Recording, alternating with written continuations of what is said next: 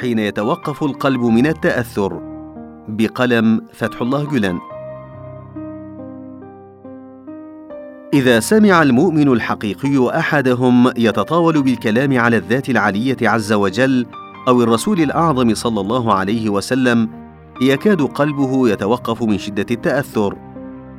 مع ذلك يضبط عواطفه وينتظر فرصته ويحسن التعامل مع الموقف بأدب وحكمة ولطف إكراما للحقيقة التي ينبغي أن تصل إلى مكانها.